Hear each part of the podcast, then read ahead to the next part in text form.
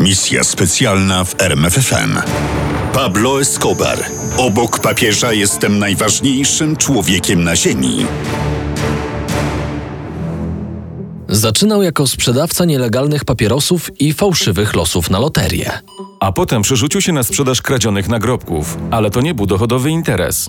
Śmiertelność w kolumbijskim mieście Medellin była w pierwszej połowie lat 70. niewielka. Pewnego razu zlecono mu kradzież samochodu. Spodobało mu się tak, że do repertuaru swoich zajęć dodał kolejną specjalność. Wreszcie przyszła kolej na narkotyki.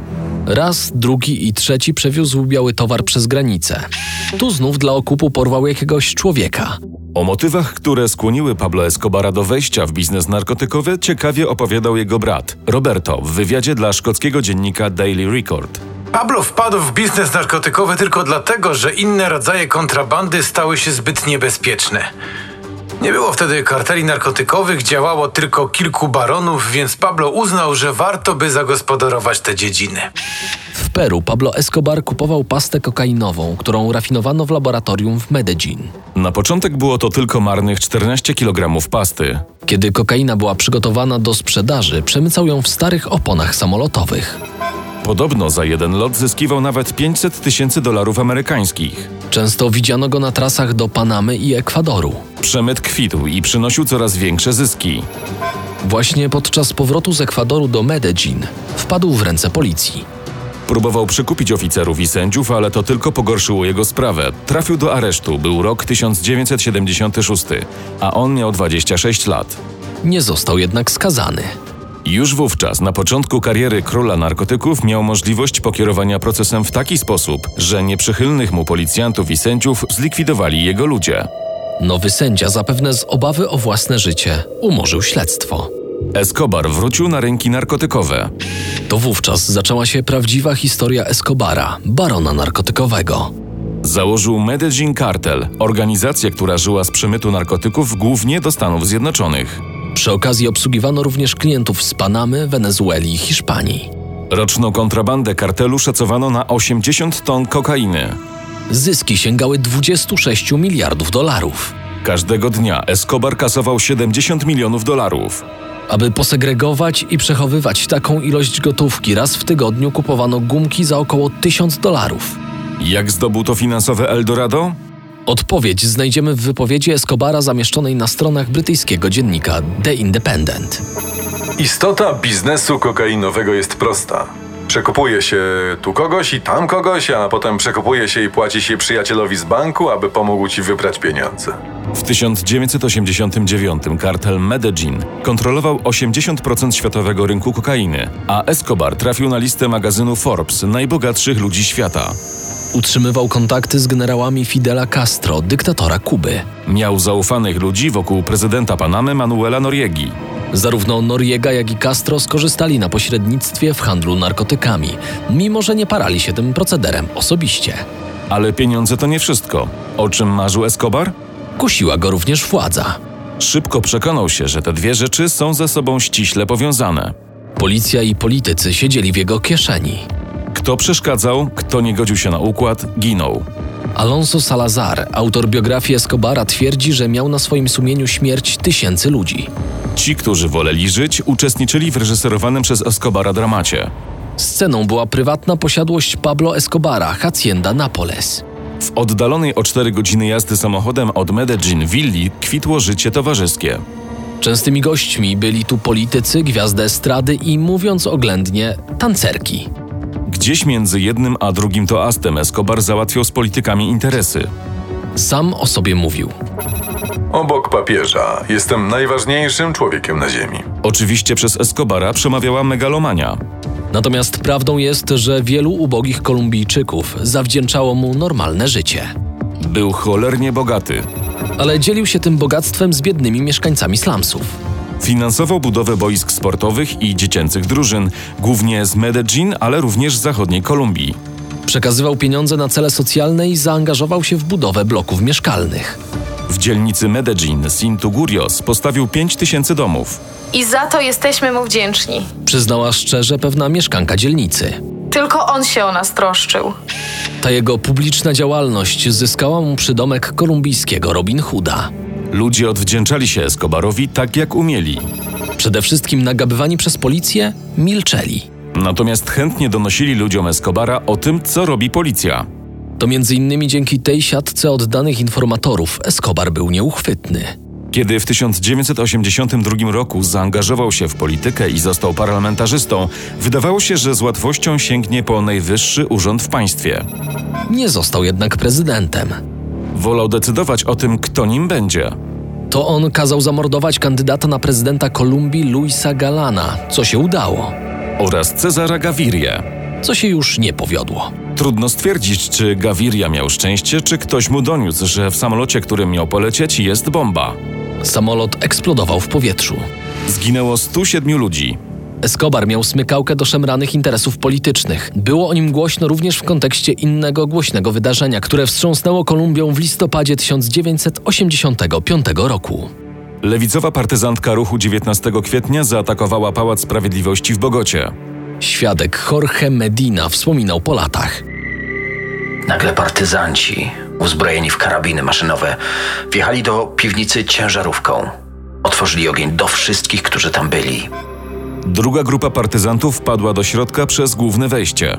Zabili ochroniarzy i zajęli piętra. Na schodach i na ostatnim piętrze ustawili karabiny maszynowe.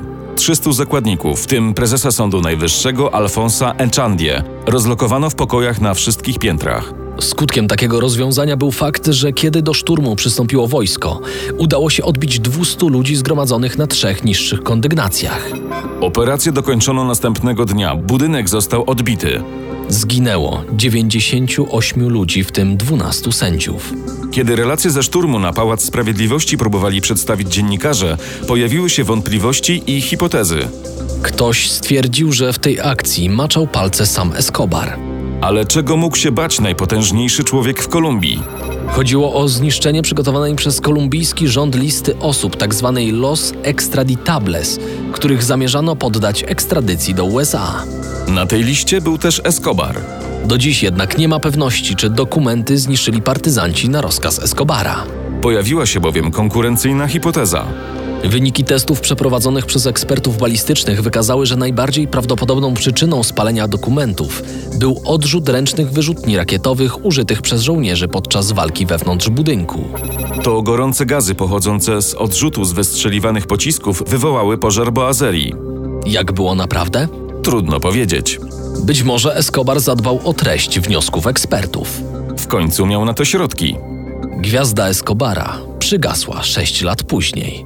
Naciski rządu Stanów Zjednoczonych, dla którego Escobar był wrogiem publicznym numer jeden, żądały ekstradycji narkotykowego bossa. Postawiony między młotem a kowadłem, rząd Kolumbii nie potrafił i nie chciał spełnić tych żądań. W Bogocie rozumiano jednak dobrze, że coś z tym problemem trzeba zrobić. Postanowiono dogadać się z Escobarem.